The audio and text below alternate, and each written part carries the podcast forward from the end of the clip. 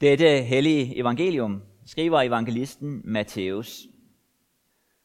På den tid tog Jesus til ord og sagde, Jeg priser dig, far, himlens og jordens herre, fordi du har skjult dette for vise og forstandige og åbenbaret det for umyndige. Ja, far, for således var det din vilje. Alt har min far overgivet mig, og ingen kender sønnen undtagen faderen, og ingen kender faderen undtagen sønnen, og den, som sønnen vil åbenbare ham for. Kom til mig, alle I, som slider jer trætte og bærer tunge byrder, og jeg vil give jer hvile. Tag mit å på jer og lær mig, for jeg er sagt modig og ydmyg af hjertet, så skal I finde hvile for jeres sjæle. For mit å er godt, og min byrde er let. Amen.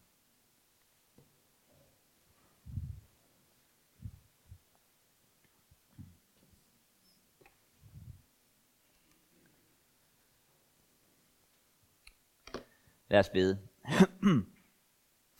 tak, Jesus, at øh, du kalder alle, at du indbyder alle, også os, til at komme til dig. Forlægge det, som trætter og tynger. Vi beder så om, at vi må gøre det. Og vi beder så om, at vi også må erfare det, som du siger vil ske. At vi må finde hvile for vores sjæle. Vi beder om, at det må ske i vores liv. At vi må have et hvilepunkt der. Og at vi derfra kan gå ud i det liv, du har kaldet os til, for at bære det, du kalder den gode byrde. Amen. Ja, som jeg sagde i introduktionen, så det tema, jeg har valgt for i dag, er øh, den gode byrde, altså ikke den gode hyrde, som Jesus jo også taler om sig selv som den gode hyrde, men vi finder også tanken her om den gode byrde.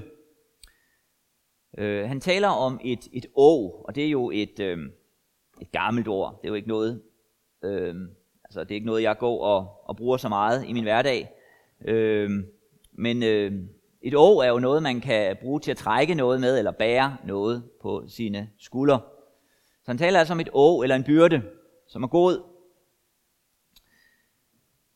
Og øh, lige inden han taler om den her, det her å, eller den her byrde, som er god, som han siger, vi skal tage på os, hans å. Så siger han øh, noget andet. Så taler han om dem, der er trætte. Kom til mig, alle I, som slider jer trætte og bærer tunge byrder, og jeg vil give jer hvile. Så først så får vi en opmundring til at lægge byrden fra os. Læg det fra dig, det der tynger, der er hvile og få. Og så kan man overveje, hvad er det for en byrde, han tænker på? Hvad er det, vi slæber rundt på, som han siger, vi skal lægge der? Det kan involvere meget. Øh, men det, som det tager sigte på, det er noget, noget indre. Det er klart, det er også, det, den indre byrde berører også altid noget ydre. Altid, i en eller anden forstand. Men det, han tager sigte på, det er noget indre, en indre byrde. Han siger, at vi kan finde hvile for vores sjæle. Det er noget indre. Det er en indre sjælebyrde, det er en indre kamp, noget vi bærer på.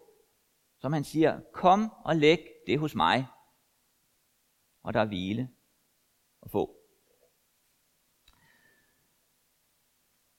I de her tider er der en del, der taler om øh, coronatræthed. Ikke forstået som sådan en senfølger af, at man har haft corona, men træthed af alt det, som vi omgiver os med. Alle de restriktioner, der er. Alle de ting, vi ikke kan, som vi kunne før. Alle de oplysninger, vi får, og informationer om fare og det ene og det andet. Og for nogen kan det øh, skabe en, en frygt for døden, som trætter og jager os. Det er også noget, som øh, Søren Brun i, øh, i Nuser, han kan være optaget af. Ikke corona, har, så vidt jeg ved, men øh, alt det, som kan være farligt. Og en dag så taler de sammen, Søren Brun og Nuser, og så siger Søren Brun, en dag skal vi alle dø. Og så siger Nuser, jamen alle de andre dage skal vi leve. Og øh, den her Søren Bruns øh, tilgang til livet, kan godt præge os på forskellige måder. Jeg kender nogen, øh, som fortæller mig, at øh, de for tiden er præget noget af OCD, af tvangshandlinger, fordi at de synes, de er påvirket af alle de her restriktioner. Kan være svært at gå ud af hjemmet, kan øh, gå ud og, og møde et socialt samliv, at det er udmattende, det er trættende. Det er som om, der kommer nogle ekstra barriere imellem os og andre, imellem mig og det liv, som jeg kunne ønske, at jeg havde. Og for nogen giver de også udtryk for, at den her barriere også påvirker deres gudsforhold. Det er som om Gud bliver fjern, kommer på afstand, er væk. Jeg har bare mig selv og mit eget liv. Vi presses, kan det synes som om, ind i en afstand. Og den afstand er i sig selv en byrde. En byrde, som giver træthed.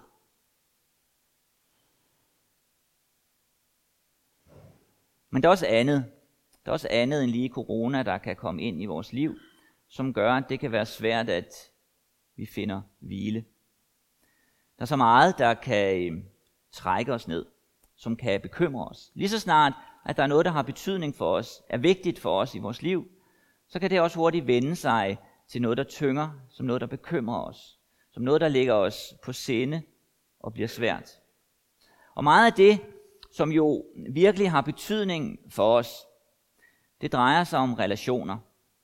Det drejer sig om vores forhold til andre, til os selv og til Gud. Og det kan blive en byrde i vores liv, som gør os trætte.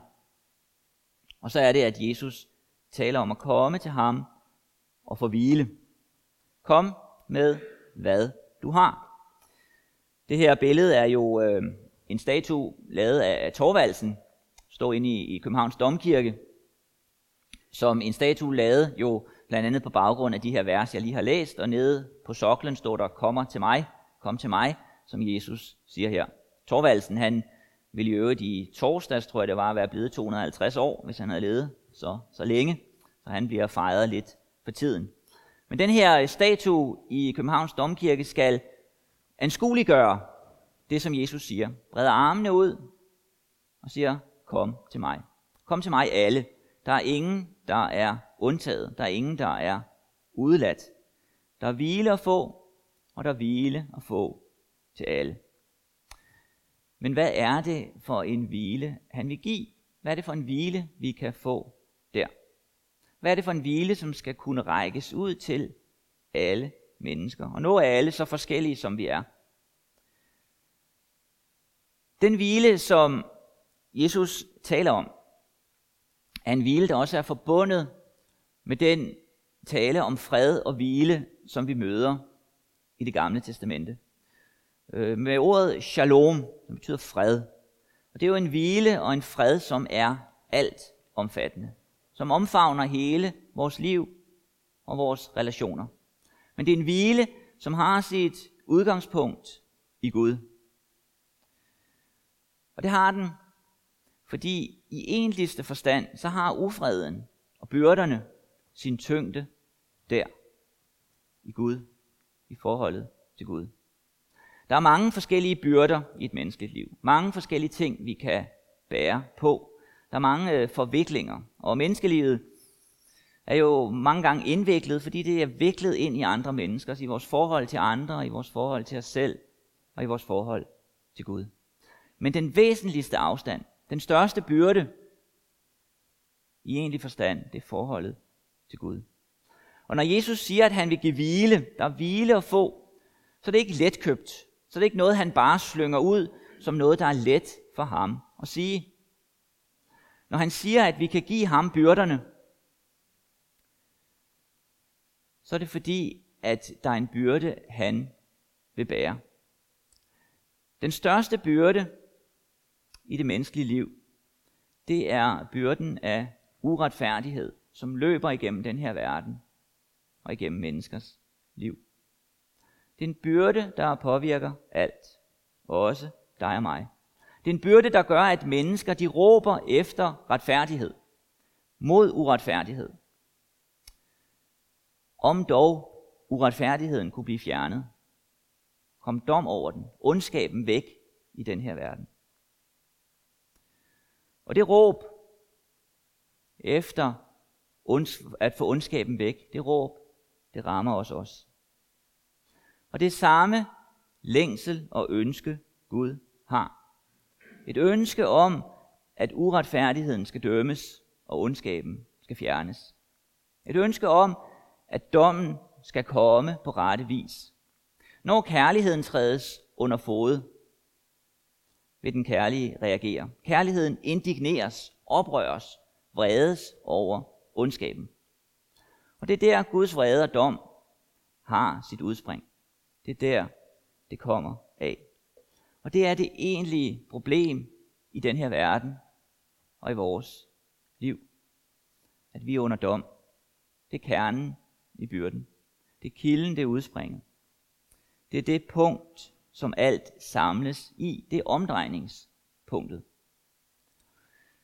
Den afstand, vi erfarer i vores liv på så mange måder, har sit udspring der.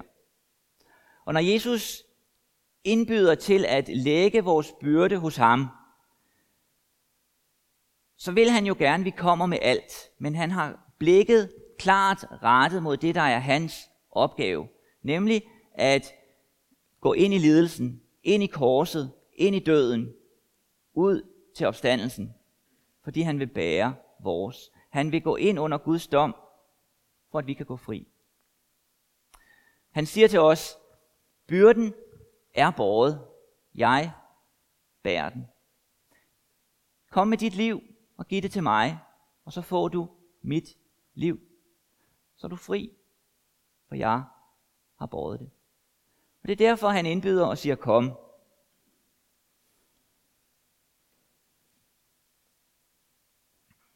Når han siger kom, når Jesus siger kom, kom til mig,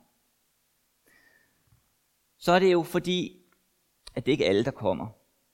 Der er grund til at sige kom. Der er nogen, der står på afstand. Ikke behørig afstand, som man taler om for tiden, men forkert afstand. Holder så væk. Han siger kom, fordi vi alle har brug for at komme. Kom nærmere. Der er hvile og få. Kom med hvad du har. Men hvorfor er der nogen, der står på afstand? Hvorfor er der nogen, der ikke kommer? Jesus han øh, berører det kort lige inden, hvor han siger, Jeg priser dig, far, himlens og jordens herre, fordi du har skjult dette for vise og forstandige og åbenbaret det for umyndige. Der er nogen, siger han, for hvem det her er skjult. De står over for hvilen, men de ser den ikke. Dem, for hvem det er skjult, det er dem, som i deres egne øjne er vise og forstandige. Dem, som mener, de selv kan håndtere det. Dem, som i sidste instans vil være Gud i deres eget liv.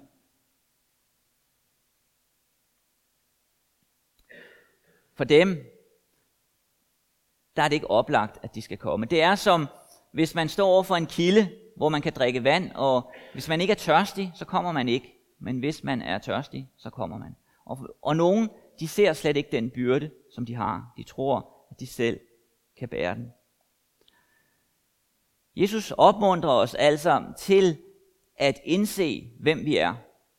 At vi er afhængige. At vi har behov for hvile. Ikke at bære det selv. Og så siger han videre.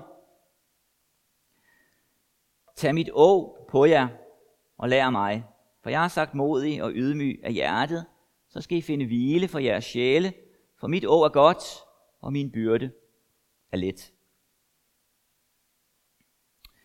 Han siger altså her, kom med alle jeres byrder, alt hvad I har, læg det for mig, så I slipper for dem. Men så siger han, så får I samtidig en anden byrde. Der er en anden byrde, der bliver lagt hen til jer. Men den byrde er en byrde, der er god. Hvad går den byrde ud på? Det får vi ikke helt præcist at vide, men der er nogle antydninger. Jesus siger, tag mit å på jer og lær af mig. Lær af mig. Der er et å, vi mister, en byrde, og så får vi et andet, nemlig Jesu å.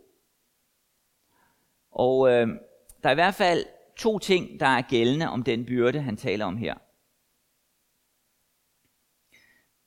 Det ene er, at for virkelig at få hvile i vores liv, få det rette liv, det vi er kaldet til, så har vi brug for en byrde. Vi har brug for, at vi ikke lever et liv uden byrder. Fordi den her byrde er en gavnlig byrde. Og den går ud på, at vi lever det liv, Gud har kaldet os til hver især. At vi ikke lever på sidelinjen. At vi ikke trækker os tilbage, men at vi går ind i kampen.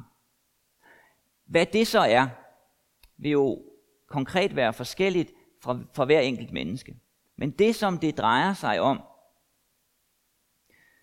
det er, at vi går ind i kampen. At vi tager livet op, det vi er kaldet til. At vi bærer med, hvad vi hver især kan. Om det så bare er B, men at vi bærer med. Ingen kan frasige sig at bære noget, uden at det bliver til skade for en selv. Det er den ene pointe. Det er gavnligt at bære med. Den anden pointe er, at den gode byrde er at lære af Jesus. Lær af mig, siger han. Se hen til ham. Hvad det indebærer, kan der siges meget om. Og øh, jeg vil ikke sige øh, så meget om det her i dag, men bare pege på det, at det er at lære af Jesus.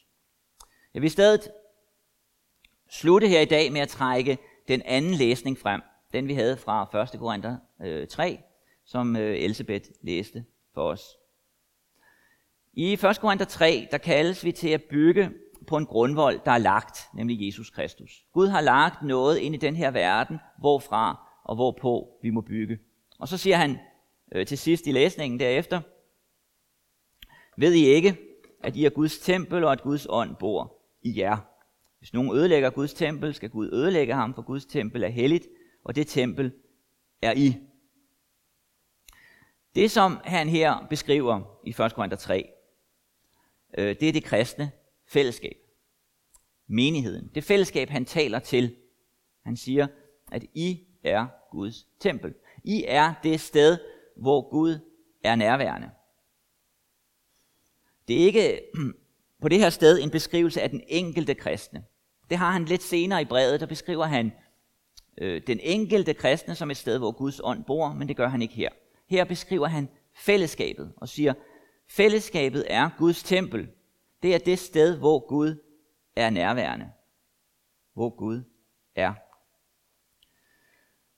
Og øh, at vi får den her beskrivelse af det fællesskab i Korinth, kan jo synes noget overraskende, hvis man læser hele brevet.